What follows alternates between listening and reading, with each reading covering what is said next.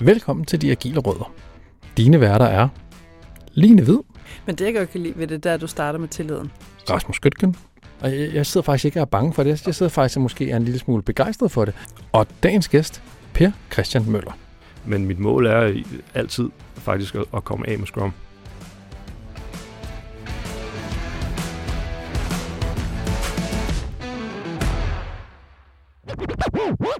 Line, det er ved at være den tid på året. ja. Og det er ikke kun, at vi skal købe julegaver. Nej. Det er også, at vi vil have noget feedback. Oh yes. Og hvordan vil vi have det? Det vil vi rigtig gerne have i det spørgeskema, som vi linker til i show notes. Det er ikke særlig langt. Der er nogle øh, hurtige spørgsmål, som vi rigtig gerne vil have, som lidt med, hvad, hvordan synes I, det går.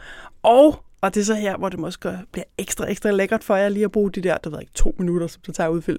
Det er, at vi faktisk også øh, har en hel liste med emner, som vi spørger. Altså, er der noget af det her, som du gerne vil høre om fremover? Så, og, så sæt kryds for det, du gerne vil høre om, og så vil vi gøre vores ypperste for at, at prøve at tabe ind i de emner, som ligesom får flest stemmer. Helt sikkert. Så kom endelig med feedback. Vi elsker de her læringsloop. Vi elsker at lære Ja. af os selv, skulle jeg sige, men også hvad det er, vi løber rundt og laver. Så endelig. Ja, og så er det bare altid rasende hyggeligt at høre fra jer. Rasmus, du har gæsten med i dag. Det har jeg. Det har jeg. Og jeg vil næsten sige, det, det, det er næsten os, der har gæsten med i dag. Fordi det er jo sådan så, at øh, dagens gæst, Per Christian Møller, Ja. ham mødte du og jeg faktisk til Scrum Day. Det er rigtigt, eller jeg så ham på afstand. Du har snakket med ham. Det er rigtigt, det er rigtigt. Men vi hørte begge to hans foredrag. Det er rigtigt. Og øh, synes begge to, at øh, han lød som en, vi skulle have med ind i podcasten. Ja. Og hvorfor skulle vi så det? Jamen det er fordi, at han er jo lidt en agil nørd, som han også selv siger. Ikke? Altså han har nørdet det agile de sidste 20 år. Mm-hmm. Agil teori. Og så har han også øh, gjort det praktisk. Altså han kan godt lide at gøre det Ah. pragmatisk. Han kan godt lide at gøre det, det- tage det her teori, og så gøre det ud, føre det ud i virkeligheden, men, men i noget praktik. Ja, det kan vi godt lide. Præcis. Og det, hvor han godt kan lide at gøre det, og det, hvor han ligesom har sin kærlighed, det er inden for produktudvikling, inden for organisering, og så forandringer. Og så tage hele den her agile teori og se, jamen, hvordan passer det så ind i de her tre grupper? Hvordan kan vi så gøre vores organisation, hvordan gøre vores teams og vores produktudvikling mere agil? Mhm. Det synes jeg jo lyder, bare allerede der synes jeg, det lyder mega fedt. Det lyder rigtig, rigtig skønt. Ja, ikke? så, øh, så for seks år siden startede han i Alka. Ja. Alka Forsikring, mm. som, øh, som agil coach. Og sidder nu som leder i en afdeling med ansvaret for digital skade, og så Alkas kerneforsikringssystem. Altså, så vi er inde der, hvor at det virkelig knasser hvis, og, og, og griser og, og går galt, hvis det er, at der, der sker et eller andet. Jeg skulle lige, sige, lige til at sige, lige præcis der, hvor man helst ikke skal lave for meget ballade. Det er præcis. Ja. Ja. Helt derinde, hvor at, at processerne helst skal køre, og hvor der bare skal være kontrol over tingene. Ikke? Mhm. Så øh, jeg, jeg tror, det bliver spændende. Hvad, hvad, hvad tænker du? Øh, Jeg tænkte, du sagde simpelthen så meget, og det var faktisk sådan lidt sådan, jeg var efterladt med hans foredrag. Han sagde så meget, at jeg husker det, jeg bed mærke i, i, is- især i starten, det var, at han faktisk sagde, at han var ligesom klar til at lufte deres snavsede vasketøj. Det var ikke ja. den formulering, han brugte, men han var klar til ligesom at være ærlig, og der var jeg bare sådan, lidt, det lyder med mig fedt. Jamen, jamen, præcis. Og netop fordi, at Alka, de har, jeg ved, de har gjort det noget specielt for ligesom at, at tage det her agile ind under huden og selvstyrende teams og alle sådan nogle ting. Så tænker jeg, at det, det er vi altså nødt til at udfrit ham lidt for. Ja. Hvad der er gået godt og hvad der er gået skidt. Altså, det vil vi jo altid gerne høre noget om. Altså, præcis, præcis. Jeg ved, han er lige på trapperne. Skal jeg gå ud og se, om han er klar? jamen, det må du da hellere. Men det gør jeg. Afsted. Velkommen til, Per. Mange tak. Og tusind tak, fordi du har lyst til at komme i studiet og snakke lidt uh, agilitet og lidt praktik med os. Jamen, tak. Fornøjelsen er helt på min side. Jeg er glad. Det var godt. Kan du ikke starte med lige at præsentere dig for vores lytter? Hvem er du egentlig? Jo, det kan jeg godt. Øh, Jeg hedder Per, som sagt. Jeg er leder i Alka Forsikring. Lille forsikringsselskab, der er ejet meget stort forsikringsselskab. Tryk, hvis ikke man vidste det. Der har jeg været, jeg har rundet seks år, øh, og i Alka-sammenhæng, så er man i virkeligheden stadigvæk lidt ny, når det kommer til stykket. øh, jeg har de sidste mange år øh, arbejdet med at prøve at gøre organisationer agile i virkeligheden. Det har været mit, mit, mål i livet. øh, og det lyder voldsomt, men i virkeligheden så har det været på mange lederkanter som konsulent, øh, som fastansat rundt omkring. Mest i fjort nok finans, for jeg har økonom med baggrund. Øh, og det er bare, der har været så mange ting, som er sket gennem tiderne, hvor jeg har udviklet mig, jeg har set, øh, hvad der fungerer, hvad der ikke fungerer. Jeg har ramt hovedet ind i muren så mange gange. Øh, og rejsen, jeg har været på i Alka sammen med mine kollegaer i Alka, har været fantastisk. Altså, der, der har jeg ramt mere rigtigt, end jeg nogensinde har gjort øh, sammen med mine kollegaer. Øh, så der er vi nået langt af den historie, jeg elsker at fortælle. Øh, jeg er meget stolt af det. Så der er et eller andet omkring det her med at komme ud med de budskaber, øh, og det jeg så er begyndt på på det sidste, er jo virkelig også at fortælle rigtig meget om det, som jeg stadig synes er svært. Øh, det, der ikke fungerer. Den der flotte historie, man synes jeg tit hører, når man er ude hos andre. Oh, ja. øh, den vil jeg gerne øh, gøre lidt op med. Øh, den er også flot, når jeg fortæller den, hvis jeg sådan virkelig skal stå på den helt store scene. Ikke? Ja. Men, men jeg vil faktisk hellere fortælle om alt det, der er virkelig svært og ikke fungerer. Og, prøv, og det var det, vi elsker, og det er jo derfor, vi, vi, vi så dig jo, Lina vi hørte dig jo til, til Scrum Day, hvor du netop præsenterede Alka, og det I har gjort øh, mm. inden for den agile verden, og Lina og vi sad bare og kiggede på hinanden og sagde, ja, ja, vi skal have bedre studie, for vi vil nemlig gerne høre nogle af alle de der praktiske eksempler, vi vil gerne høre nogle af de ting, der går galt. Mm.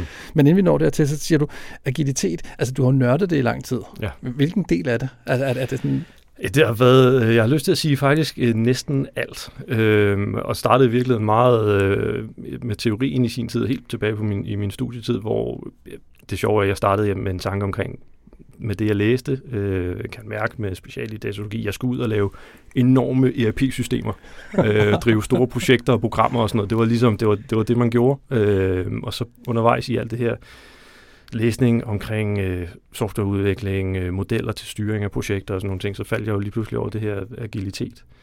Øhm, og så havde jeg nogle fede studiejobs ved siden af, hvor jeg, jeg kunne se, når jeg var ude, det at jeg kunne snakke lidt forretning, og jeg kunne sjovt nok også kode samtidig.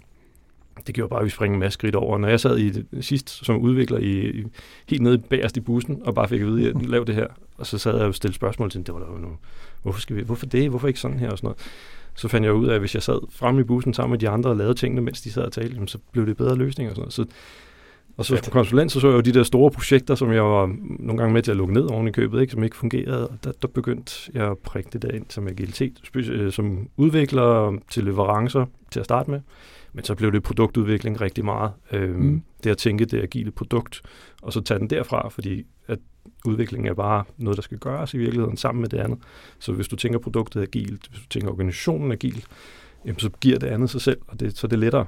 Ja. Øhm, så det gik rigtig meget hurtigt over i strategi, organisering, øh, så ledelsen så kom på senere hen.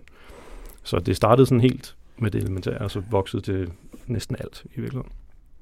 Og, og det er jo sådan noget, jeg synes, der er mega fedt. Altså, når man får det ud under neglen, i stedet for at man hører en eller anden Toby Scrum Master, der står første gang, man nogensinde ser det agile og fortæller omkring, nu skal I bare høre, vi skal køre iterationer og så videre.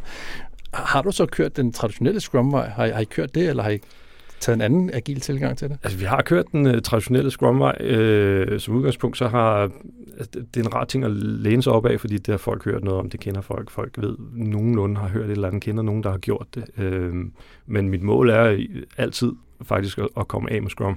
Øh, og, og så allerede der er der nogen, der hvordan kan du finde på at sige det? Øh, men, men jeg synes ikke, det er rammeværket, der skal definere det på nogen måde. Jeg vil faktisk hellere bare leve efter principper og værdier, og så tror jeg, jeg kan komme meget længere øh, med organisationen som helhed.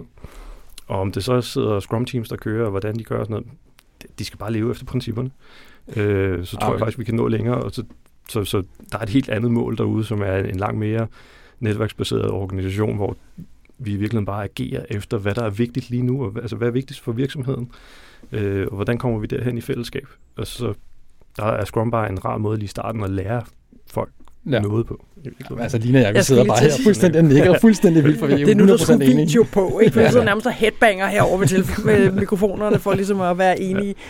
Ja. ja, men lige præcis, fordi det er ikke ramværken, der skal definere, og det er desværre det, vi ser rigtig meget af. Men når, når vi så kigger væk fra ramværkerne, og du så begynder at tage den her teori og gøre den til, til praktik i den vinkel hverdag, hvad er der så svært ved det? Noget af det, der er rigtig svært, er jo at få, få folk til i virkeligheden at, at forstå og agere, hvad det er, du siger øh, til dem. Så hvis du starter op, og specielt hvis du så starter med noget Scrum for eksempel, jamen, så kan det godt se ud som om, at, at tingene egentlig er okay, og, og folk, jamen, det forstår de, de er med, og sådan noget, det kører bare. Men, men i virkeligheden så er det bare rammeværket, altså det, det at egentlig forstå, hvornår er folk der, Hvornår har de forstået den? Mm. Hvornår ligger den der? Så hvis du fjerner alting, sætter dem over i en ny kontekst, øh, flytter dem ud af det, de sidder i, jamen, træffer de så stadigvæk de rigtige valg. Og nå derhen til har været rigtig svært alle gange, og tit, tit så i de andre virksomheder, jeg har været i, jamen, så har vi jo nået en anden barriere først, fordi så har der været noget med ledelse og organisation, der ikke forstår det, og, og alle mulige barriere og sådan noget. Men det er jo så der, vi er kommet til i Alka, der er det jo, lige nu står skismet mellem, jamen, jamen, er den der virkelig? Altså sådan helt ind i ryggraden, forstår folk det, ikke? Ja. Øhm, og der er skridtene derfra bliver sværere. Store skridt i starten, og så bliver skridtene mindre og mindre. Ikke? Nu er det jo næsten syv år, vi har kørt på. Ikke? Du skal et spørgsmål herfra. Ja. Så jeg hører ret mange, der siger, altså netop peger på Scrum, som sådan, det er sådan en rigtig god måde at få nye i gang med det agile, Mm. øh, fordi altså, at Scrum, det, ja, det er, en, det er en ramme, men den er også deskriptiv, at det ligesom, du kan Mm. tage guiden, og så kan du komme i gang.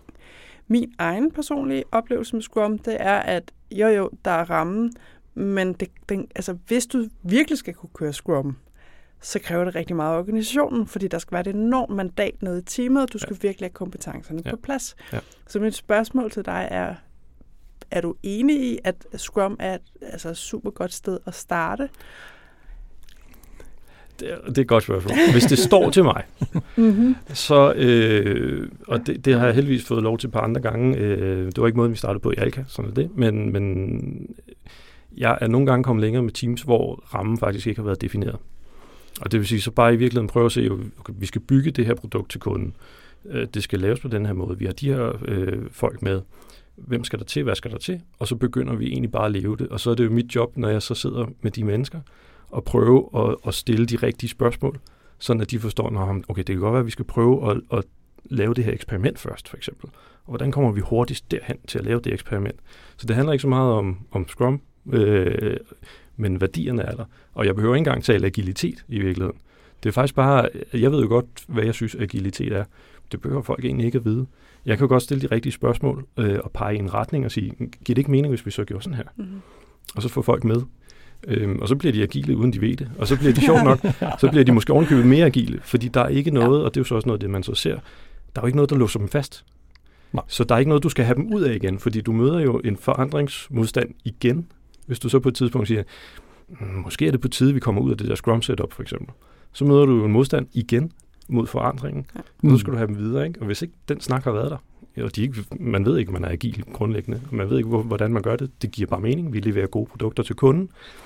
Alt er fedt. Øh, det kører, Ja. vi er glade for at være her. Jeg har den øh, potentielt kontroversielle holdning, at øh, Scrum Guiden burde komme med en advarsel, Mm. der siger, at øh, selvom du følger denne guide, så er det ikke sikkert, at, du er agil.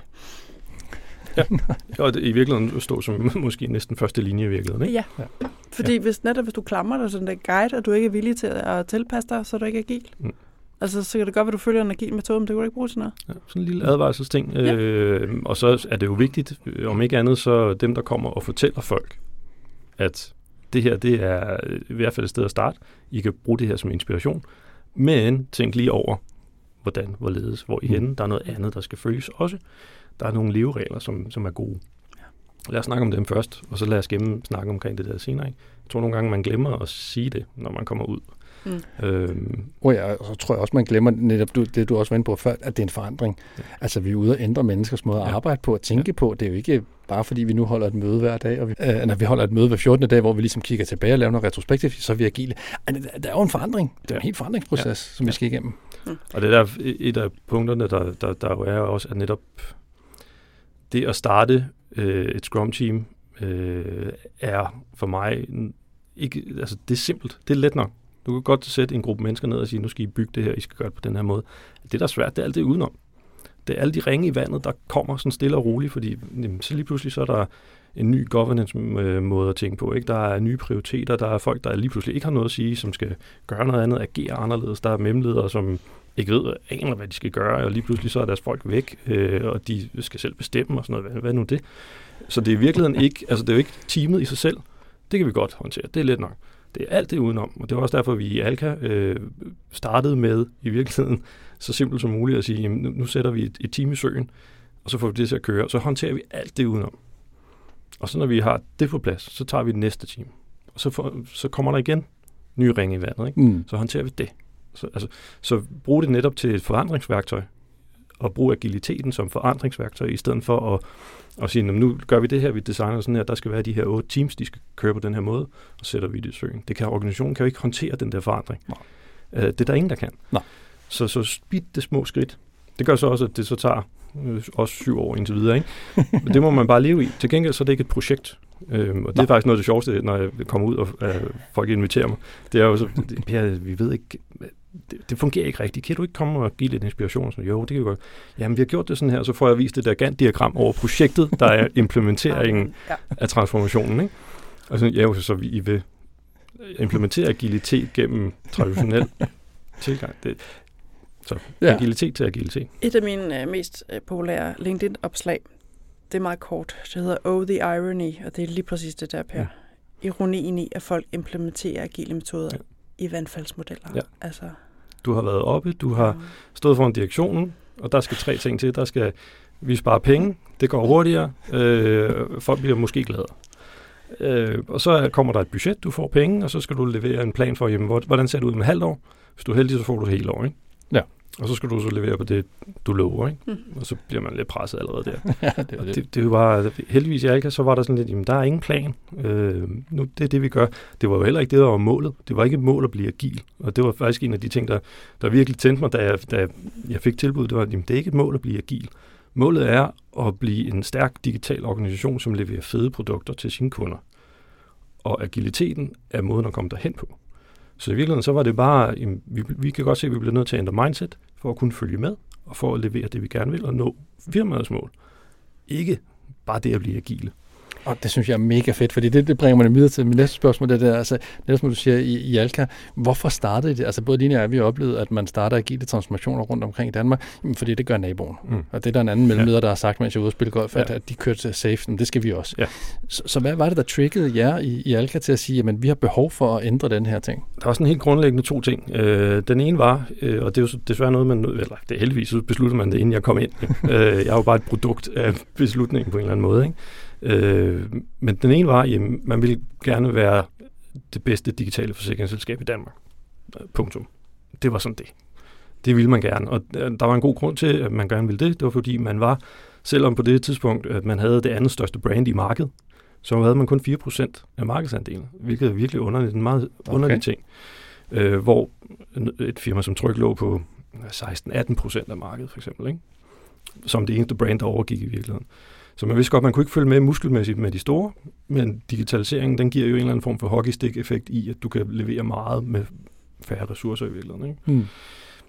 Så det var den ene ting, men på det tidspunkt var man også rigtig nervøs over alt det usikkerhed, der var ude omkring os. Øh, den helt store, jeg fik at vide, da jeg kom ind, var i virkeligheden øh, faren for øh, selvkørende biler, for eksempel.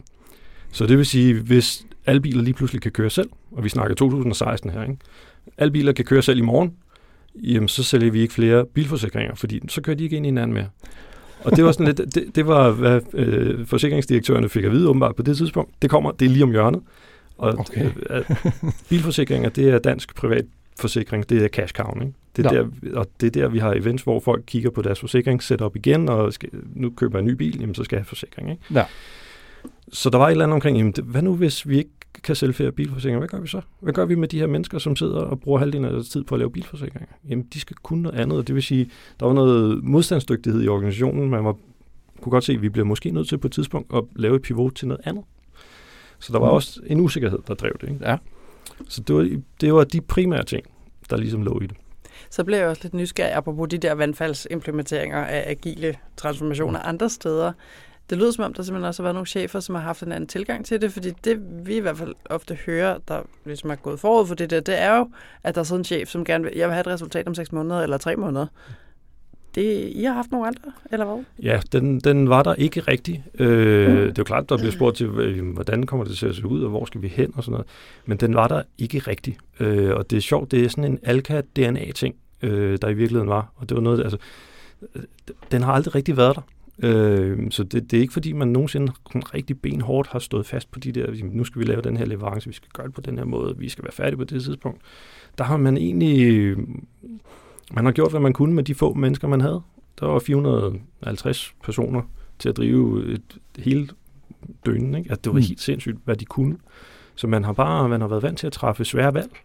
Vælge fra, fordi man godt vidste, at man ikke havde så mange muskler som de andre. Øh, man har bare ville levere, og det var, man var varet af, af fagforeningerne.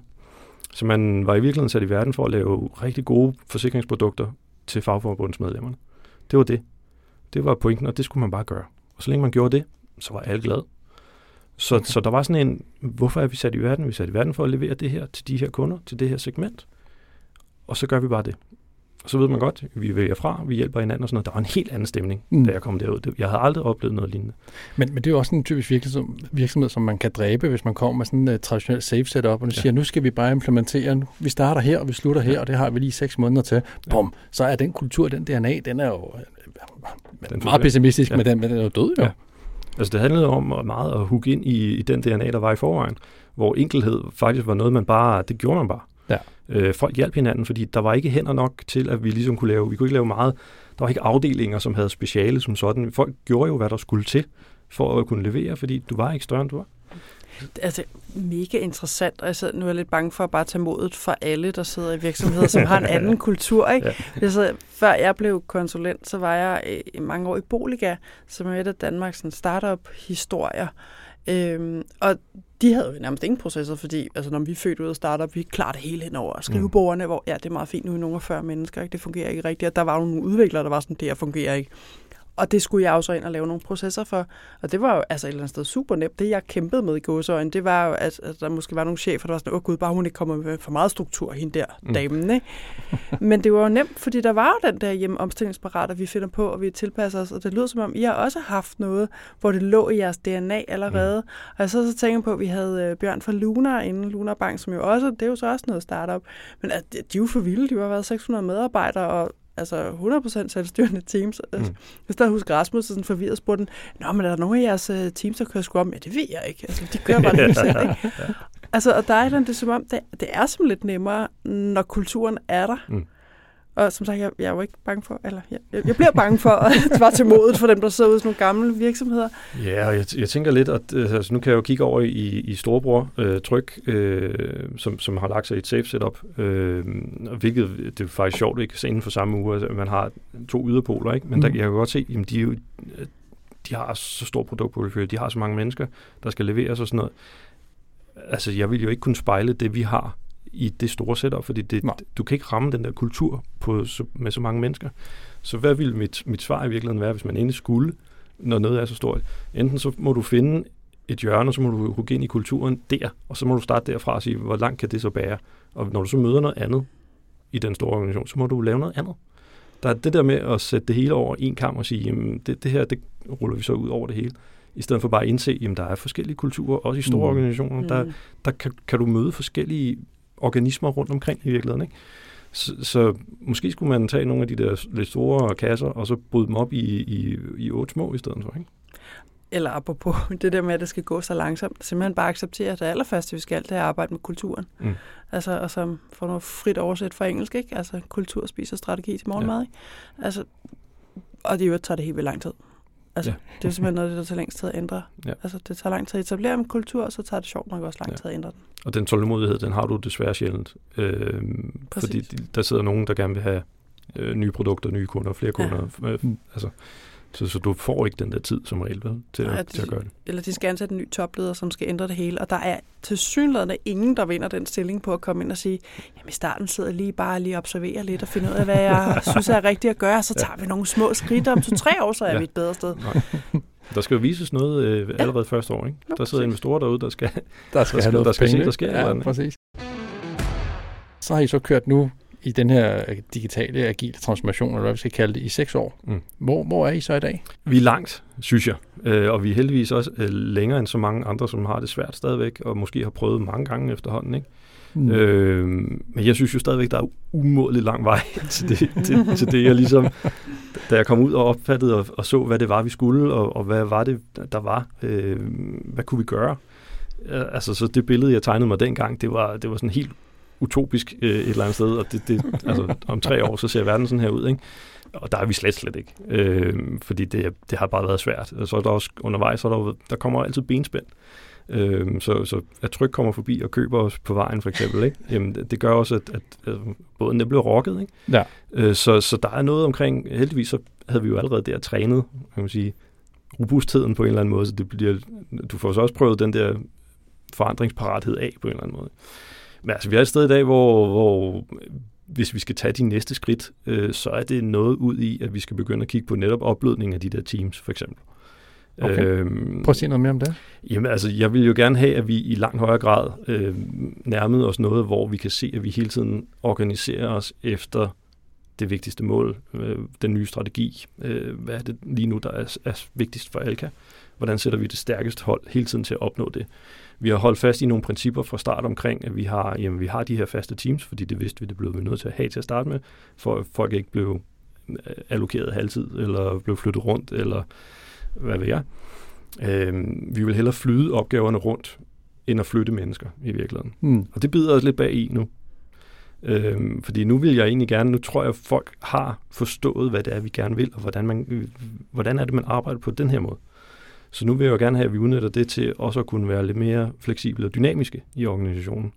Så hvis vi kan se nu, det her, det her år, der er det vigtigste, jamen så formerer vi os, vi, vi sværmer omkring det problem, øh, og så løser vi de, de mennesker, der skal til, de løser det. Og så er vi effektive på den måde i stedet for. Det, det lyder jo mega fedt, det synes jeg, men, men det stikker jo meget imod de her tre, hvad hedder det, teorier omkring stabile teams, ja. så vi skal ikke flytte rundt ja. på det, og, og storming, norming og alle de der yes. faser, som vi kører igennem. Uh, der er jo nogen, der sidder ja. derude nu og tænker, nej, nej, nej, jeg kan, ja. det må jeg da egentlig ikke. Præcis, og der er jo helt klart også, der, der er også en indgroet modstand øh, imod det. Det er jo klart, fordi at du er super glad. Nogle af de teams, vi har, de har nærmest ikke været ændret fra start. Så det er de samme okay. mennesker, der sidder der. Det er mange år så. Det er rigtig mange år. Folk er, og, altså, folk er jo super glade for at være i Alka, så, så der er også en grund til, at de stadigvæk er der, og, og konstruktionerne ser ud, som de gør. Mm. Øhm, så det, det, det, det er et kæmpe skridt ja. at tage og begynde ligesom at prøve at sige, skulle vi ikke prøve at lege med dem derovre også? Ikke? Men vi har jo stille og roligt så startet med et par teams, og så vokset stille og roligt. I dag kører vi otte teams, og man kan tydeligt mærke, at der alligevel, altså vi har ville undgå skalering. Alt, hvad vi kunne omkring skalering, ville vi slet ikke snakke om. Men der er jo noget omkring lige pludselig med otte teams, der skal nogle gange kommunikere med hinanden, øh, som bare er svært. Fordi ja. vi er skåret på den måde, vi er, og fordi det er det antal mennesker, vi snakker om. Øh, så det, det, vi bruger meget tid på at tale, kommunikere prøve at forstå de andre teams.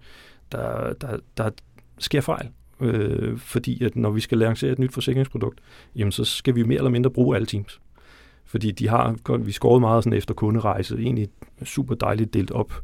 Mm. Men når vi skal levere et nyt forsikringsprodukt, så er det alt, der skal i gang. Mm. Okay. Det skal kunne sælges online, ikke? Det skal kunne skadesbehandles online. Øh, der skal kunne sælges på telefonerne og sådan noget. Det er alle teamsene, der skal i gang. Så der er jo noget kommunikation, som gør det svært, ikke? Mm. Når du siger de der otte teams, er det alle teams, I har, eller er det de, altså de nye teams, er, som I er, er ikke stabile? Eller? Det er alle teams. Okay. Og, og de er ikke stabile? Eller? De er stabile. De er stabile. Ja. Har I prøvet det der med så, ikke, nu jeg ved ikke, hvad jeg ellers skal kalde dem, ikke stabile teams. Det lyder som om, de er alle sammen sådan nogle nervevav, ikke? Men altså. Ja, og det, det er jo det, er det næste, det, det lille skridt i, i en retning, det er, at vi prøver i, at lave hvad kan man sige, et, et midlertidigt virtuelt team. Så tage okay. et par stykker ud og sige, nu skal vi lave et nyt produkt. Og det sjove er, at vi har faktisk lige lanceret et nyt produkt i dag, hvor vi har prøvet det her.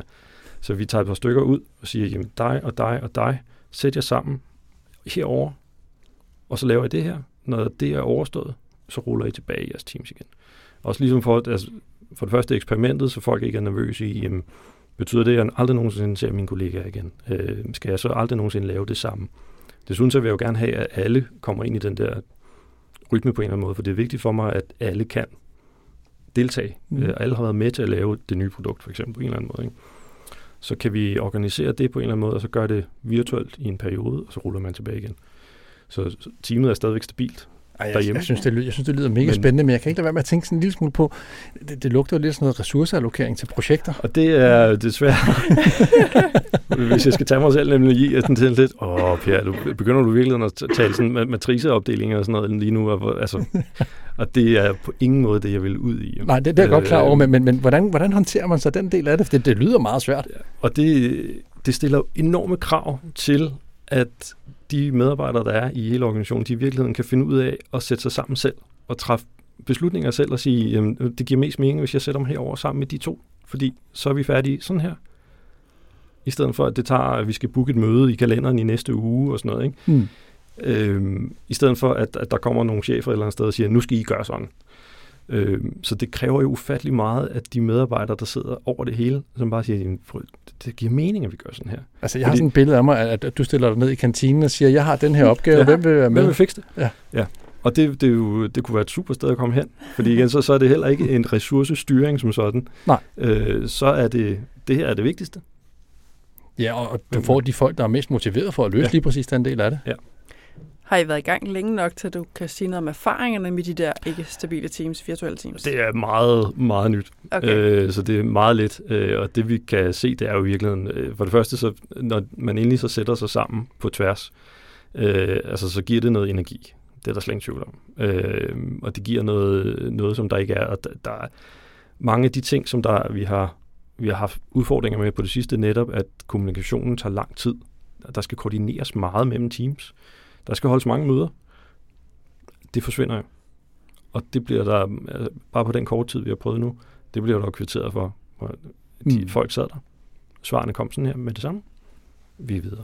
Ah, det er fedt. Jeg sidder og tænker både, om der kan være en, altså en eller anden sta- stabiliserende effekt i, at de godt ved, at de stadig ligesom hører til et sted. Ja.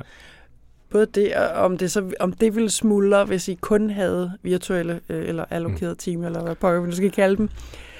Altså, der er jo noget i øh, de personer, som der vil være i alle danske virksomheder et eller andet sted. De er jo meget forskellige. Nogle vil synes, at det var super fedt at sidde et nyt sted hver uge og gøre det her, og gøre det her, og gøre det her. Men vi må også bare indse, at der er jo også masser af personligheder derude, øh, som, som ville synes, det var ganske forfærdeligt. Et forfærdeligt sted at arbejde. Ja. Forståeligt nok. Altså, så, så dem skal der jo også være plads til. Så måske er der en eller anden form for, vi skulle til at sige hybrid, øh, hvor man kan lande i noget, som giver noget stabilitet, og hvor folk godt ved, jamen, jeg ruller jo alligevel tilbage, for eksempel. Ikke? Mm. Og det kan da godt være, at der er nogen, som så på et tidspunkt decideret bryder ud af deres team, og så flyder altid på en eller anden måde.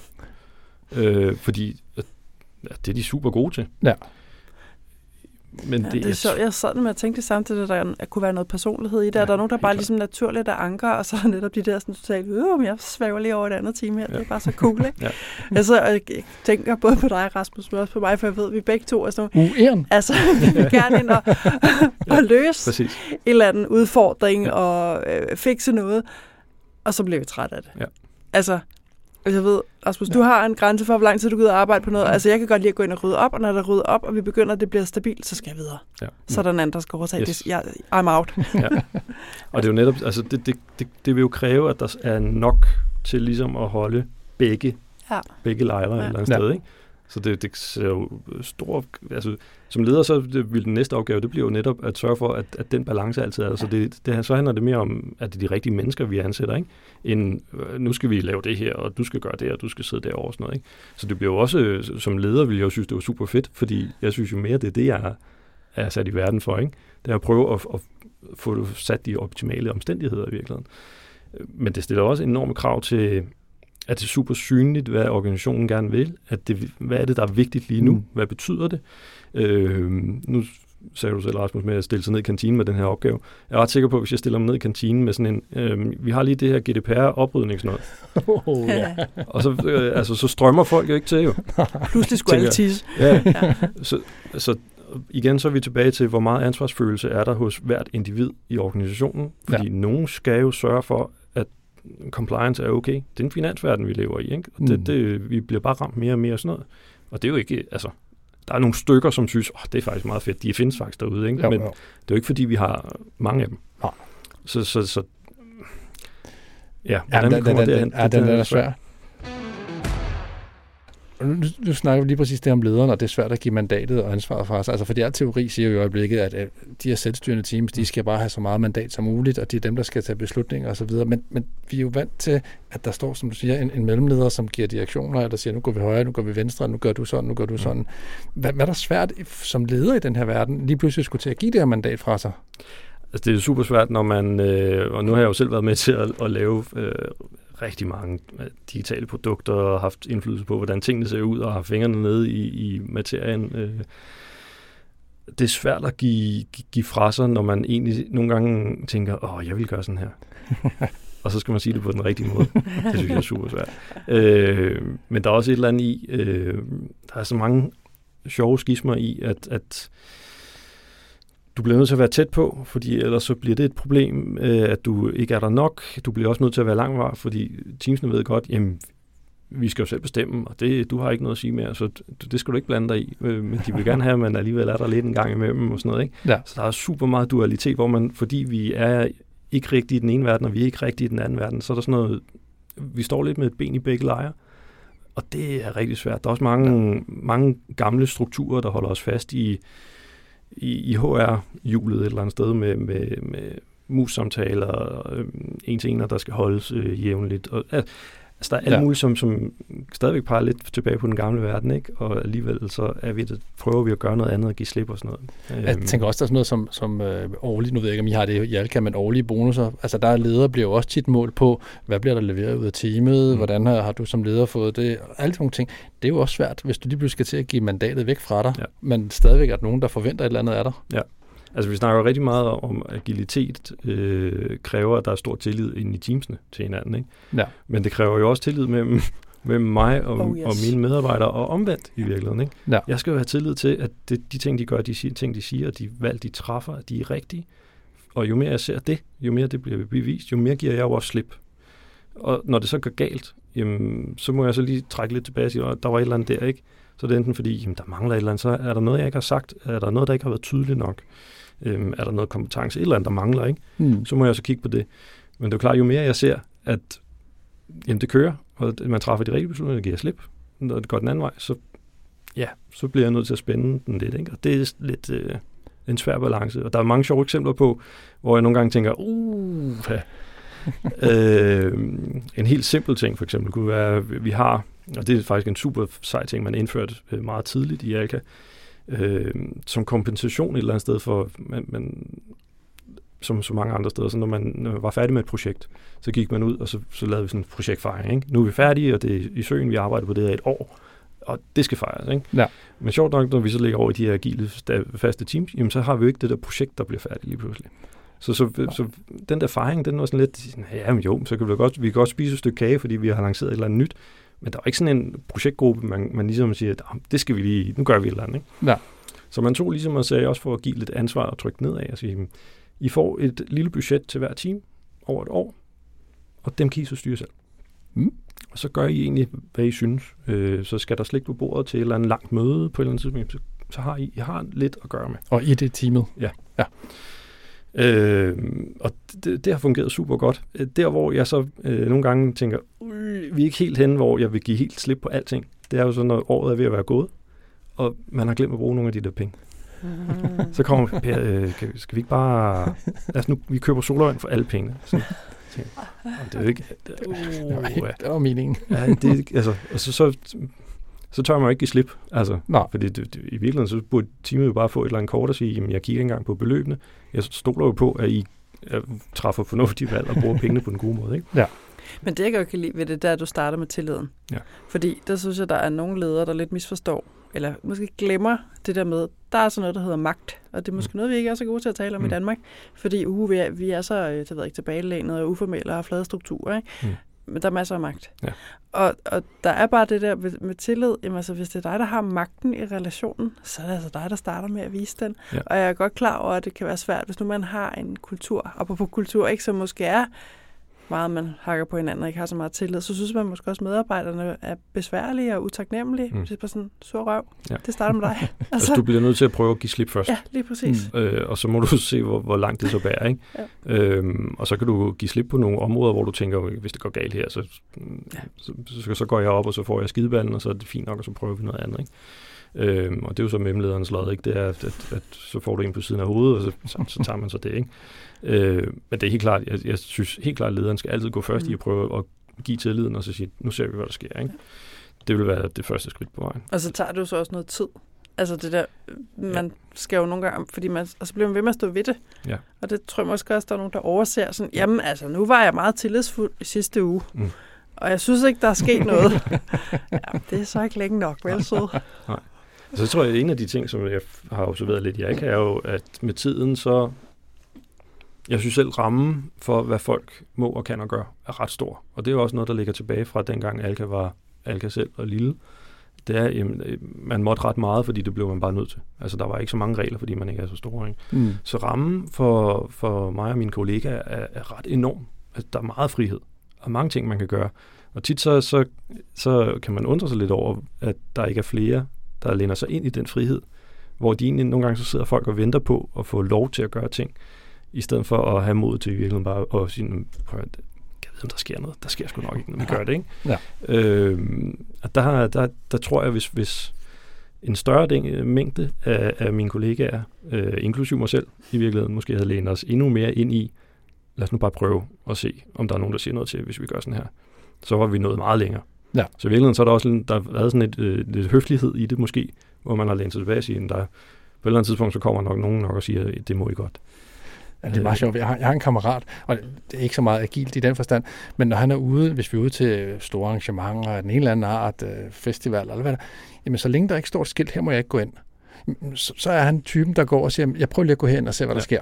Og jeg andre, jeg, vi andre, vi står bare tilbage Ja. og siger, nej, nej, det, det må du nok ikke. Der er, jo grund til, der er en grund til, at der er en lukket dør. Ja, lige Øh, præcis. Og han er typen, der siger, "Ej, nu ser vi lige, hvad der sker. Og jeg tænker, det er jo lidt sådan, altså teamet Ja. skal have, de skal blive ved med at, Ja. at, at puste de her grænser en lille smule og sige, jamen, hvad, hvad sker der, hvis vi reelt set tager den her beslutning, eller hvad sker der der? Ja. Selvfølgelig inden for rimelighedens Ja. grænser. og Med, Ja. Altså noget af det, jeg har, der, der skal med til det også, for at jeg ligesom giver endnu mere slip i virkeligheden, måske, at der, der skal også være nogle tegn på, jeg plejer at prædike lidt omkring systemtænkning i virkeligheden i det store billede. Ikke?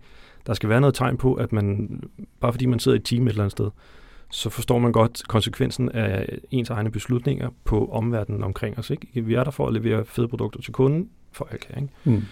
Og hvad sker der, når jeg i mit team gør sådan her? Der, øh, vi har oplevet ufattelig meget silodannelse, hvor folk, jamen, nu jeg sidder i det her team, vi gør sådan her, fordi at det er godt for os. Vi optimerer for os selv, men så sker der, altså det har, det har jo konsekvenser i systemet et eller andet sted. Ikke? Ja, præcis. Så at have nogle stykker, som har den der systemtænknings tilgang til tingene og sige, "Man, prøv nu lige at høre, hvis vi gør sådan, så betyder det, at de her over ikke kan gøre sådan der, og det betyder sådan og sådan. Ikke?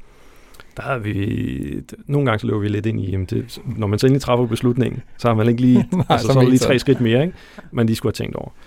Men hvordan, hvordan håndterer man det? Altså, hvis, vi- hvis vi nu kigger i de her famøse ramværker, så safety har jo PI-planning, og der, der er jo, hvordan vi koordinerer og synkroniserer osv. Hvad gør I så på det punkt? Altså vi, øh, vi har prøvet at holde det så simpelt som muligt, men vi- har ikke vil indføre så meget af sådan nogle ting, øh, som skulle skabe koordineringen. Så øh, altid har vi holdt fast i bare at prøve at opfordre folk til at mm, gå nu over og tale med dem. De sidder lige ved siden af, vi sidder alle sammen i samme bygning. Gå nu over og tale med dem. Med, lad være med at indkalde til møde, lad være med at sende det her. Men alligevel med tiden, så har der jo været det er tydeligt, at der er kommet så meget information, og folk sidder så langt fra hinanden, principielt, at, at, man ikke længere har taget den der information ind. Så vi har alligevel indført sådan et par små greb, hvor vi siger, jeg har brug for, at alle folk ved, hvad der sker i hver team i næste sprint. Hmm. Det sprint, vi skal ind i, fordi du skal have noget information som kollega, til at sige, prøv at de går i gang med det der derovre, Hmm. Og vi skal i gang med det her. Vi burde nok lige sætte os ned og snakke sammen.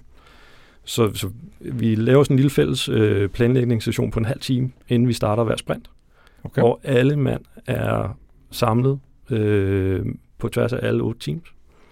Og så bliver der bare lige hurtigt gennemgået øh, for hver PO på et minut.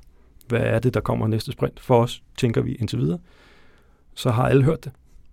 Og så undervejs, så sidder folk og siger, oh, det der, det skal vi lige snakke med dem om. Og så er der jo fælles, teamsene er så nu synkroniseret, øh, hvilket også er lidt imod, men alligevel så har det været nødvendigt, fordi så kan folk gå ud og holde deres planlægning, og hvis der så endelig er et eller andet mellem to teams, jamen så Ja. kan de selv sætte sig sammen. Og så, så, så skal jeg ikke ud og samle trådene og sige, jamen jeg har hørt det her herover og de gør noget derovre. Det kunne være, at I lige skulle. Ja. Det gør de så forhåbentlig selv, fordi de har informationen til det. Ikke? Så der er et eller andet omkring at få den der viden til at flyde, så man mm. kan træffe de rigtige valg. Øh, som har været svært. Jo større man er blevet, det er sådan helt Ja, naturligt. det er klart. Det er klart. Altså, det kan være, at jeg øh, overtolker nu, ikke? Så må du korrigere mig, hvis jeg Ja. tager fejl. Men det der, at der nærmest er opstået nogle siloer, er det simpelthen konsekvenserne af stabile teams? Det er det lidt, ja. Okay. Øhm, vores teams blev i sin tid og er stadigvæk øh, skåret på en måde, sådan at de har et, et ret stærkt øh, produktfokus, har jeg lyst til at kalde det, men det er ikke et produkt, fordi når vi snakker produkter i forsikringsverdenen, så er det forsikringsprodukter. Men, men de er skåret efter en, en form for kunderejse. Så det vil sige, jeg har, vi har et, et digitalt salgsteam, for eksempel. Og de står så for salgsprocessen til at starte med. Og så har man noget med selvbetjening, og så har man noget med skadesanmeldelse. Det er ligesom, ligesom de tre leve øh, søjler i, i det hele. Ikke? Og der, er- det er jo klart, at, at så, som PO og team, så bliver du lige pludselig får du meget tunnelsyn på det, du er sat i verden til. Øh, Mm. Selvom du godt ved, at der er en kunderejse, der går hele vejen igennem. Og hvis du bliver målt på det digitale salg, fordi vi vil gerne have, at vores teams kan afspejle sig direkte i virksomhedens mål, jamen så er det klart, så er det det, jeg kigger på. Og jo længere tid der er gået, og jo mindre cirkulation der har været, jo mere tunnelsyn får man på sit eget team i virkeligheden. Ikke? Så der har vi, altså, der, der havde jeg nok ønsket lidt mere cirkulation af en eller anden måde. Altså, det kunne også være Mm. rart, at, at nogen bare en gang imellem havde ønsket, altså det er jo de samme tekniske profiler, de samme, ikke altid de samme forretningsprofiler, men tæt på, med UX og så videre, Scrum Master. Man kunne godt veksle lidt en gang imellem, men derfor har jeg ikke lyst til. øh, og sådan er det. øh, det kunne man måske godt, der, nogle gange så kunne man godt desværre have lyst til at falde lidt tilbage, og så tage den der management-hammer i hånden og sige, nu skal I lige, nu, til næste år, så sidder du derovre i stedet for. Fordi du på deres vegne faktisk, det vil give noget bedre på den lange bane. Mm. Øhm, fordi der vil komme noget andet, og man ser tingene fra en anden vinkel. Øhm, Det gør, gør I det på lederniveau? Bare sådan en rent fræk spørgsmål. By, bytter I rundt?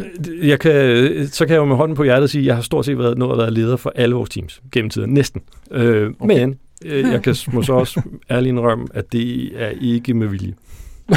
okay. øh, desværre. Så, så øh, vi er halvvejs derhen.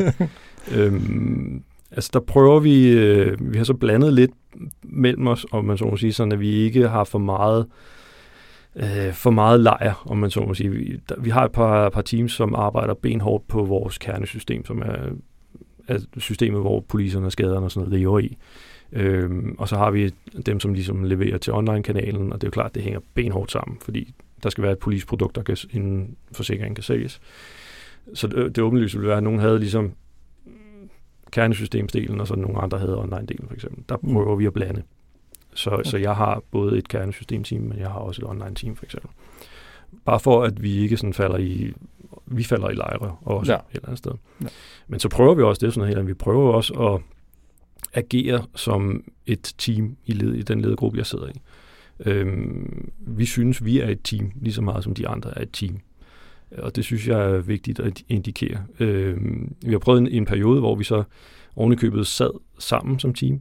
Øh, det gav så en masse negative effekter i, som jo så var jeg ikke nok ude hos min team, så nu, er der ingen, nu har vi ikke faste pladser mere, men Okay. vi prøver at holde sammen som et team, trods alt.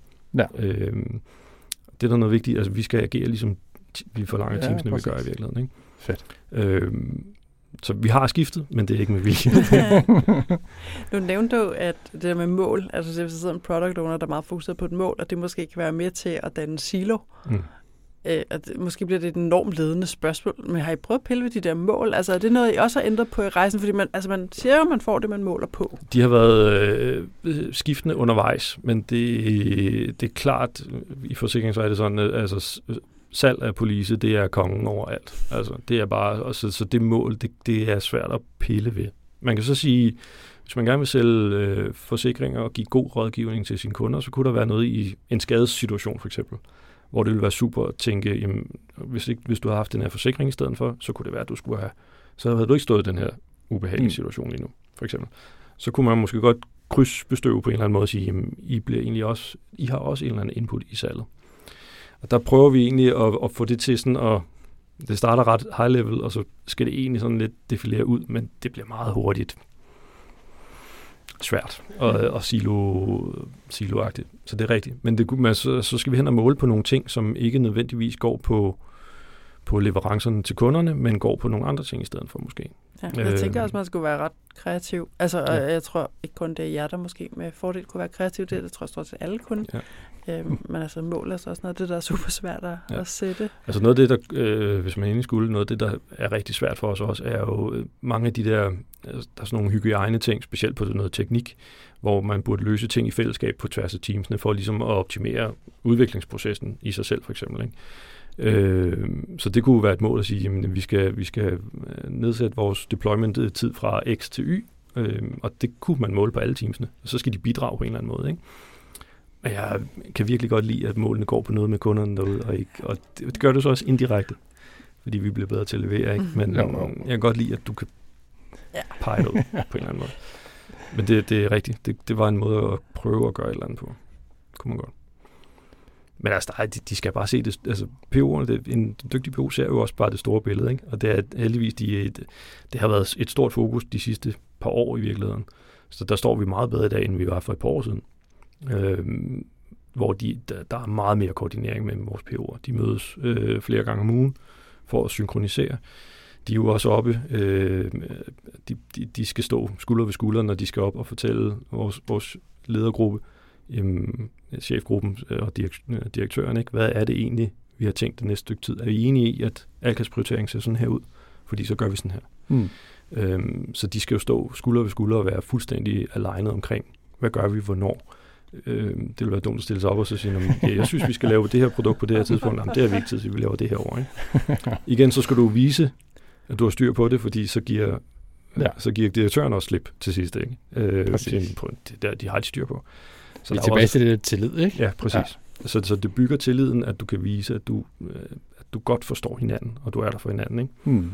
Øh, men der er stadigvæk lang vej til, at man så på et tidspunkt giver slip, og det var det, jeg godt ville opnå. Ikke?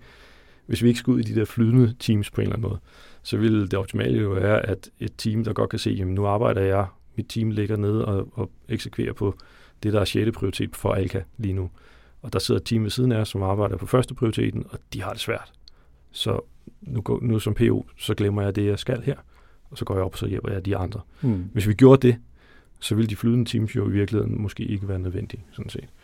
Øh, men det kræver bare ufattelig meget øh, ja, indsigt, og, og det, det er et svært valg at træffe. Ikke? Ja, og det er ikke noget, du kan putte ind i en projektplan og vise på Gantt-chart, at nu Nej. er vi færdige til jul. Nej. Og så er det det.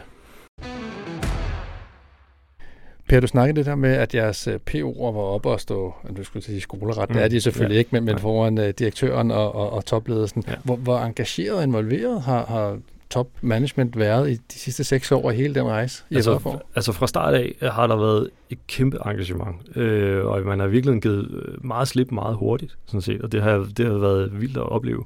Øh, og det er faktisk en anden ting, som vi ikke nåede at komme ind over, som jeg tænkte, det kan vi også, øh, også være en fantastisk... Altså, undervejs har vi jo også ændret organisationen flere gange. Det er jo, altså, på et tidspunkt, så, så rammer du en kultur, hvor du tænker, nu skal der noget andet til. Altså nu, nu sidder vi fast i den gamle IT-afdeling og forretning og sådan noget. Ikke? Mm. At det har man jo også nedbrudt. Efter et par år, jamen, så, så fjerner man IT-afdelingen. Okay. Simpelthen tager, træffer beslutninger og siger, at det giver ikke længere mening. Nu øh, teamsene leverer til noget privat forretning til nogle kunder. Hvorfor skal folk sidde organiseret efter, at jamen, jeg er en teknisk profil, eller jeg er en forretningsprofil? Nu i fælles om det her, så teamet bliver organiseret under det forretningsben, man leverer til. Ikke? Mm. Så man har, man har gået så langt, så, så man fra ledelsessynspunkt helt fra toppen af, i virkeligheden på et tidspunkt har kigget ned og sagt, jamen hvis vi skal fortsætte den her rejse, den her kulturforandring, jamen så kræver det en ændring i strukturen i organisationen. Og det, det, det er jo tit der, hvor du rammer en eller anden form for barriere, fordi der sidder nogen, som ikke har lyst til at ændre på noget som helst, når det gælder det. Ikke? øhm, at det sjove er, det, betød jo på et tidspunkt farvel til IT-direktøren. Og, og, og være ude, når jeg er ude og fortælle om det her, og der sidder en IT-direktør og lytter med. Det oh, der er en, der sidder der for det. Øh, nej, men det, det er der en underlig måde at gøre det på. Det er jo ikke nødvendigt. Nå, det er det måske heller ikke, men det, det, der er bare alligevel et eller andet omkring det der med, at vi er splittet på faglighed, og ikke på, hvad vi egentlig leverer. Ikke? Øhm, og desuden en af tingene, der, som jo også viser lidt, at kulturen lever, er jo, at vi har altid øh, direktøren og, og den øverste ledergruppe har altid stillet op til, når teamsen laver reviews og sådan nogle ting. Så det, at der står en direktør på et review mm. og taler med os, egentlig ser, hvad, hvad, hvad I lavede de sidste 14 dage, og så stiller personen, som er den øverste leder, han stiller spørgsmål til, den her knap, den har I lavet blå. Jeg synes egentlig, den skal være grøn. Og han har samme holdning som alle os andre til, altså jeg, jeg tænker, det, jeg synes, den skulle være rød, det var meget fedt. og så skal du stå der som team, og i virkeligheden, så skal du, du har jo svarene, fordi de er dygtige Ja. Og de ved godt, hvorfor de har lavet den den farve. Men at stå og få feedback direkte fra direktøren, ikke? Det, er jo, det er jo fedt. Ja. Og alligevel også lidt angstprovokerende. Jeg skulle til at sige, det, det, altså, det, de altså, gør, hvis der, der har jeg i hvert fald oplevet, hvis der er en med stjerner på skulderen i rummet, så siger folk stille, og ja. så lytter de til, hvad personen siger. Ja. Så hvis, hvis ja. han eller hun siger, at den skal være rød, mm. hvad så? Hvad ja. gør teamet? Har I så den øh, psykologiske tryghed i teamet til at sige, ej her direktør eller fru direktør, vi har altså lavet den blå, fordi Altså ja, det er ikke mange gange, jeg har oplevet, at der er noget, der er blevet sådan rent faktisk ændret, medmindre det har været en, en valid kommentar. Fordi nogle gange så kan den person jo også stå med noget viden, som enten ikke er blevet delt, eller ikke har været derude. Så, mm. Jamen jeg ved, der er det her på vej, så måske skulle man tænke over det her. Og så kan man så tage det tilbage. Ikke? Ja. Ligesom det var feedbacken fra alle andre i virkeligheden. Øh, men der har ikke været, der, der er også tit, hvor det er simpelthen det, vi har data på, og det, vi er heldigvis dejligt datadrevet, ikke? så tit så er der jo konkrete data på, jamen, altså kunderne vil gerne det her. Så det kan godt være, at du har en mavefornemmelse af, at det peger i den her retning, men kunderne gør sådan her. Ikke? Fedt. Øhm, så der, der, og der, er så, der er så, hierarkiet er så lavt, og der er så, der er så kort op til, til det øverste niveau, at det er man ikke bange for. Øhm, og det har også været fedt. Altså det, det er første gang, jeg har været et sted, hvor det, det er super uformelt på den måde. Øhm, og igen også en grund til, at folk bliver, er i Alka, bliver i Alka. Mm. Øhm, altså det er sådan noget som det. Og det er jo. Ja. det, der skal til, fordi ellers så løber du på et tidspunkt ind i, jamen så er der bare det næste projekt, eller altså, ledelsen skal være der, og de skal være engageret, ja. de skal forstå det. Ellers så, så, så rammer du hurtigt den der barriere for, hvor meget du kan nå at ændre kulturen. Ikke? Jeg sidder jo totalt splittet i virkeligheden, for jeg synes, det lyder fantastisk, netop altså, at direktøren dribler forbi, og ja, man kan sige noget øh, til vedkommende, og vedkommende kan få lov til at komme med sin holdning, men der er ikke, det er ikke sikkert, at folk gør det. Samtidig med, og for, altså, hvis kulturen ikke er der, kan det samtidig også være helt forfærdeligt, Ja. at lederen dukker op. Ikke? Altså, Ja. ja. som du sagde, Mm. Rasmus, det der med, hvis folk bare sådan bliver helt blege og bare klapper hælene sammen, og, Mm. Nå, men den skal så være gul med sorte polkeprikker. Godt, Mm. det gør vi. Ja. Altså, ukritisk, altså, det, Ja. Og Og Øj, det kræver meget at kunne det der. Det gør det, og heldigvis så, da vi startede i sin tid, hvor det var Henrik, han, der var direktør dengang, øh, jamen han var i sig selv meget uformel i hans måde, og han gik rundt på gangene, og han talte med folk, og han havde været i Alka længe, øh, og alle de andre på det tidspunkt havde også været i Alka længe, de kendte alle sammen hinanden. Øh, så det var meget en, altså det var meget familiært, og man var ikke bange for at sige Henrik imod. Øh, så det, det, der var vi også lige et skridt foran, ikke? Ja. Øhm, og så kan det godt være, at der var en officiel direktionsgang et eller andet sted, og det var lidt pænere gulv, der var deroppe og sådan noget.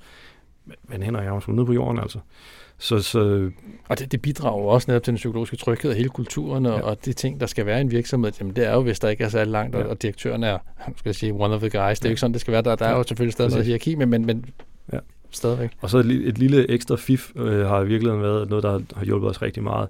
Øh, min rigtig gode kollega, Anne-Karina, som kom ind kort før mig, øh, og i virkeligheden var den, som ligesom fik stafetten, sådan, det her, det skal du lave om. Øh, hun sad jo i den ledergruppe, så de har haft en coach-ish, hun, altså hun, men hun var ansat på normalvis ligesom mig, men øh, hun var jo leder på et ret Mm. højt niveau, og hun sad jo med til alle de møder, så hun har jo ageret som spillende træner Ja. på et lederniveau Fedt. på det øverste lederniveau. Ikke? Og det kræver også, at du kan godt hæve en ledercoach ind og sætte, men når beslutningerne bliver truffet, og døren bliver lukket, og sådan noget, så nu, som regel, så bliver den coach jo så sendt uden for døren. Ikke? Oh, ja. Så hun har jo siddet og spillet bold hele tiden og sagt, at principperne siger sådan, eller vi skal i den her retning, eller det vi egentlig burde gøre er sådan her. Og nu er vi på vej i en forkert retning. Ikke? Så der har været en spillende træner på stort set et af de øverste niveauer, ikke? som har gjort en kæmpe forskel også. Så, så man er sådan lidt blevet coachet undervejs i virkeligheden. Det har været super fedt. Øh, fordi man har godt kunnet høre, at der er blevet visket lidt i øret måske en gang imellem. Sådan, det, det er nu, du skal sige sådan her. Jamen, Øh, jeg, jeg, jeg, jeg sidder her virkelig vildt begejstret for en af vores tidligere gæster, Louise Spaff, uh, sidder jo som, som bestyrelsesmedlem rundt omkring i forskellige bestyrelser, og hun har jo lige præcis den samme tilgang, siger, jamen når jeg er der, så er det for at spille bold, og det er Mm. måske lidt den der spillende coach, Ja. ja. hun så tager på det niveau, Ja. og det er jo mega fedt, hvis vi kan få folk ind, nu skal jeg til at sige spioner, det skal det jo ikke være, Nej. men vi kan infiltrere Ja. ja. øh, de forskellige ledelsesniveau helt ned, eller helt op og, og helt ned i, skulle jeg til at sige, teamsene. Det vil være mega fedt. Per, her i podcasten, der, der elsker vi det agile manifest. Og vi er med på, at det er, det er snart været 22 år øh, gammelt, og der er måske nogle ting, der skal opdateres ny og næ. Men vi snakker principper i den her sæson, øh, og vi stiller altid vores øh, gæster et spørgsmål, hvilke af de her principper, der er jo 12, ligesom øh, taler mest til dig i den situation, du er i lige nu, eller Mm. måske tidligere. Øh, altid, og sådan helt fra starten af, og det har jeg holdt benhårdt fast i, og det står faktisk næsten øverst på vores liste af principper, vi, vi brugte i Alka i sin tid. Det er, og jeg mener, det er tiende princip, må jeg ikke skyde mig, hvis det er forkert, øh, det er simplificering. Øh, så evnen til at i virkeligheden gøre så lidt som muligt, at slippe så let afsted med ting som overhovedet muligt. Simplificering har været, og er for mig, nøglen til agilitet. Så formår du at simplificere, og det er alting, vi snakker om her. Nu starter jeg igen med produktet i virkeligheden. Så et simpelt produkt til en simpel kundegruppe, lavet af en lille gruppe mennesker, på en simpel måde, i, med en lille levering. Altså, simplifi- ja. simplificering, den skal gennemsyre alt. Kommunikationen skal være simpel, ikke? Det, så, så vi har gjort meget for simplificering, øh, og det tror jeg har drevet os langt. Øh, det, det er for mig det, det er sted, jeg starter. Så hvis folk kommer og spørger mig, hvad, hvad skal vi gøre? Er der noget, vi kan gøre for bare at gøre et eller andet? Så simplificering. Altid simplificering. Jo simplere, jo bedre. Jamen, jeg er helt enig, og det er faktisk et af de øh, principper, jeg synes, der er sjovest at sige. Jeg er helt enig i værdien i det, men det der simplicity, the art of maximizing the amount of work not done, Præcis. is essential. Altså, det, det kan jo bare et eller andet. Nej, det, og det, er jo, det, det er jo netop det, det kan. Altså, der er, der, der er så meget i den ene sætning, som bare, bare tegner på, at det er, det er den rigtige vej at gå. Ja. Øhm, og sjovt nok, så, når man så ser kommer ud og ser, at nogen har sagt, at det, det, her det gør, at vi kan komme til at levere det dobbelte på den halve tid. Så kigger man på den og siger, "Mm, men, men det, meningen er, at I kommer til at levere mere rigtigt, og det er de rigtige ting, I laver, fordi I træffer rigtige valg, fordi I gør små ting. Det er ikke fordi, der kommer mere ud af røret, Nej, men det er sige, de rigtige valg, og det er på baggrund af simplificering i virkeligheden. Ikke? det er jo det, der er så farligt. Vi har leveret en hel masse. Mm. Det var alt det forkerte. well done. Altså, Præcis. Præcis. Per, prøv at høre, det har været sindssygt inspirerende og spændende at høre om Alka igen, øh, siger jeg, fordi vi hørte dig jo på, som sagt, på, Ja. på Scrum Day. Hvis folk nu gerne vil høre mere om din rejse, og måske Alkas rejse, hvor kan de det? Altså det letteste er i virkeligheden bare at gribe knoglen og prøve at få fat i mig, men, men øh, kontakt mig på, på LinkedIn. Jeg, jeg kommer gerne ud og fortæller. Altså jeg, jeg, jeg får jo også energi af at komme ud. Og hver gang jeg kommer ud, så lærer jeg. Jeg lærer også noget nyt hver gang. Øh, om det så er på et universitet et eller andet sted, eller en virksomhed på direktionsgangen, hvad det er. Jeg får super meget energi af at komme ud. Så ræk endelig ud, så vil jeg gerne komme ud og fortælle. Øh, hvis man har brug for en anden vinkel, for jeg tror, vi har gjort det lidt på en anden måde den her gang, end så mange andre har. Mm. Så hvis man bare har brug for en, en lidt skæv vinkel på det, så, så ræk ud. Øh, jeg tror officielt, så LinkedIn er den øh, rigtige vej, selvom det er lidt, måske efterhånden lidt old school. det er altid det, vi linker til, og du siger bare til, hvis vi også skal lægge dit telefonnummer. Ja, det, ja, ja. Præcis. Vi ligger i hvert fald til det hele i, i show notes. super. Tusind, tusind tak, fordi du har lyst til at være med. Velkommen. Tusind tak for snakken. Det var fedt. Fantastisk. Line, jeg har fulgt uh, Per til elevatoren, og ja. øh, det betyder nu, det er jo bare dig og mig, skulle jeg sige, tilbage i studiet. Også over vores øh, tanker. Åh oh, ja, åh oh, nej, ikke vores tanker. Men apropos tanker, hvad tænker du? Øh, Jeg tænker faktisk rigtig, rigtig mange ting, og nu skriver jeg ned på min blog, fordi jeg har skrevet en hel masse mm. øh, undervejs. Altså, måske skal jeg bare starte med den, som er størst for mig, og hvor jeg måske, det fik jeg også sagt, jeg bliver helt bange. altså, det der med kulturen. Ja. Fordi jeg synes jo, det er interessant, at han jo faktisk sidder og fortæller, at de har haft en kultur, der ligesom også har bare været altså, god til det. Altså, den er sådan... Jeg, jeg mangler et ord lige nu. Det er Ja. forsvundet. Der er sikkert nogle, måske nogle lyttere, der sidder derude og råber af mig. Det er bare det, der, du skal sige lige. Der har ligesom været plads til det øh, rum, for at man har kunne arbejde agilt hos Alka. Ja. Og altså, som jeg sagde, jeg, altså, undskyld, det har jeg sagt utrolig mange gange, men altså, ja, jeg har været hos det er startup-kultur, hvor det også har været naturligt. Vi havde Luna inden, ikke? Altså, der Ja. er det også naturligt. Og altså, det fede er jo, det viser, altså, okay, det er ikke kun sådan nogle startup-agtige huse, der godt kan, fordi sådan nogle som Alka kan også, men han siger jo samtidig også, kulturen var der ligesom også til at kunne bære det. Mm. Måske var det ord, jeg manglede før. Så. Men, men jeg tror måske faktisk kun, det er fedt. Og jeg, jeg sidder ja. Faktisk ikke og er bange for det. Jeg Okay. sidder faktisk og måske er en lille smule begejstret for det. Ja. Fordi det, det viser, det viser jo det, at når vi skal arbejde agilt, så er det ikke kun et spørgsmål om at implementere et rammeværk. Ah, ja, Så er vi ude i noget adfærd. Vi er nødt til at tænke over, at vi ændrer måden, folk de tænker, måden de agerer over for hinanden, måden som ledelsen øh, skal give tillid og mandat fra sig, og vise tillid til teamsene og omvendt. Altså det, det viser bare et eller andet sted i min verden, at, at lad nu være med bare at fokusere på det der skide rammeværk. Ja. Omfavn nu det hele. Ja, og det var også det, han sagde indledningsvis. Altså, at jamen, lad nu være med nødvendigvis at implementere Scrum. Altså, Ja. måske begynde at gøre nogle andre ting. Ja, præcis. At bare for, eksempel, det små, ikke? for eksempel kigge på flow, øh, jeg ved ikke, facilitering, Ja, samarbejde, det, noget af den slags ting. Nej, men, men jeg er meget enig, jeg, jeg, jeg er dybt begejstret for, at de har angrebet den måde, de har gjort det på, og ligesom sagt, jamen, vi skal ikke kigge på et rammeværk, vi skal ligesom bare i gang, skulle jeg til at sige, ikke? Ja. Mega, mega fedt. Og jeg synes jo, det er det helt rigtige at, altså, at gøre, og jeg var sådan helt begejstret, men det er jo også bare total vand på vores mølle, ikke? Han bare siger, jamen altså, øh, manifestet med sådan værdierne og principperne, det er nok. Og i virkeligheden kunne vi bare lukke den der, ikke? Ja, fint. For det er det jo. Ja. Altså, men samtidig vil sige, at det, det er jo også et dilemma. Altså, nu, der, der er jo det der, jeg synes, jeg hører mange sige, det, jamen, det, det er meget fedt at starte med Scrum, hvis man er ny, fordi det er en måde at få det agile ind under huden på. Og som sagt, udover at jeg ser den problemstilling med, jamen, det kræver meget af organisationen, så synes jeg jo også, det er lidt interessant, det, altså som Per så siger, og som jeg også vil have lyst til at tappe ind i, sige, jamen altså, det kan også blive krykken, du har støttet dig så meget til, at du stadig ikke har forstået, hvad det handler om. Jamen præcis, det, altså, er jo, det er jo bare en række møder, som du holder ja. Ja. i en eller anden given sekvens. Øh, ja. Simplificeret, det er jeg Mhm. helt med på. Det er Ja. jeg helt med på. En ting, jeg blev mærke i, og som øh, jeg, jeg er... Er jeg faktisk glad? Hmm, spændt. Et eller andet over det. Det ved jeg helt. Det er det her flydende teams. Mhm. Altså, jeg kan rigtig godt lide tanken om, og igen, det der billede af at stille sig op nede i kantinen og sige, vi har det her projekt, vi har den her opgave, vi har den her udfordring, det skal være løst. Lad mig få fem mand eller kvinder, der kan hjælpe mig med at løse det her. Du får bare motiveret folk til at gå ned og, og arbejde på det her.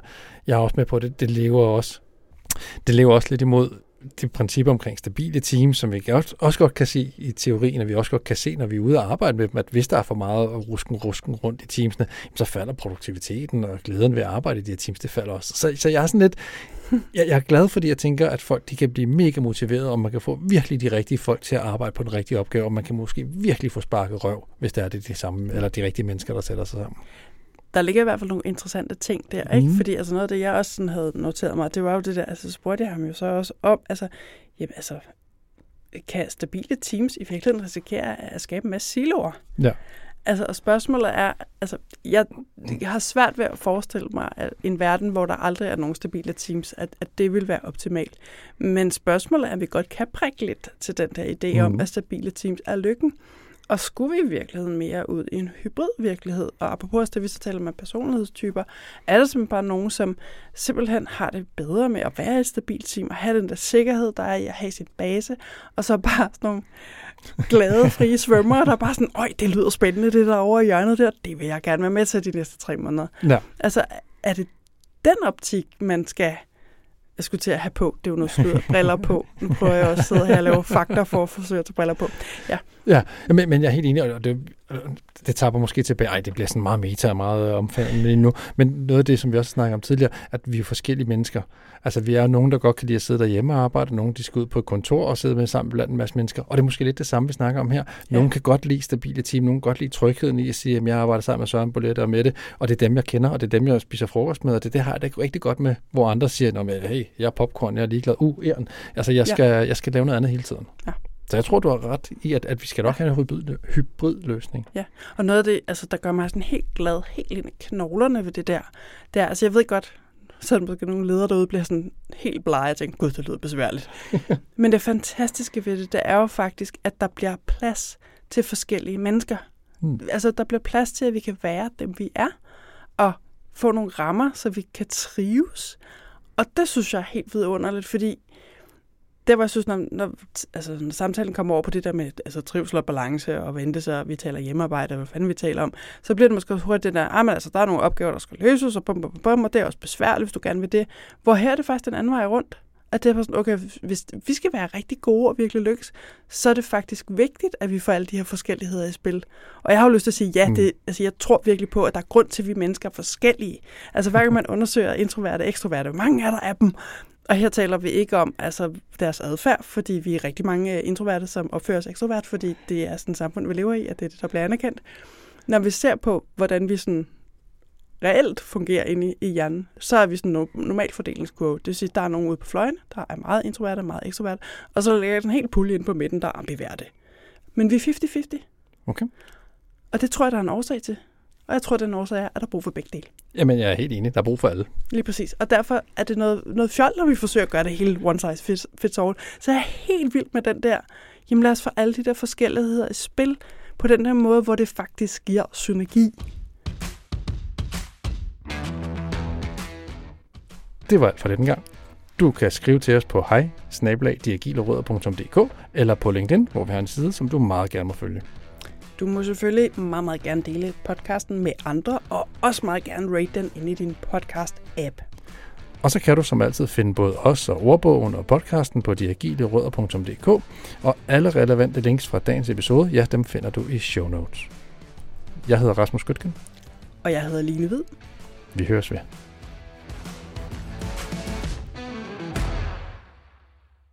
Så tænker vi tager Kan du skrue en lille smule ned for mig? Øh, Jeg har simpelthen fået nok af mig selv herovre. jeg kan bare skrue hende, det er det, på. Mhm. Er du glad der? Meget. Fedt, fedt, fedt, fedt. Jamen, øh, så lad os da køre.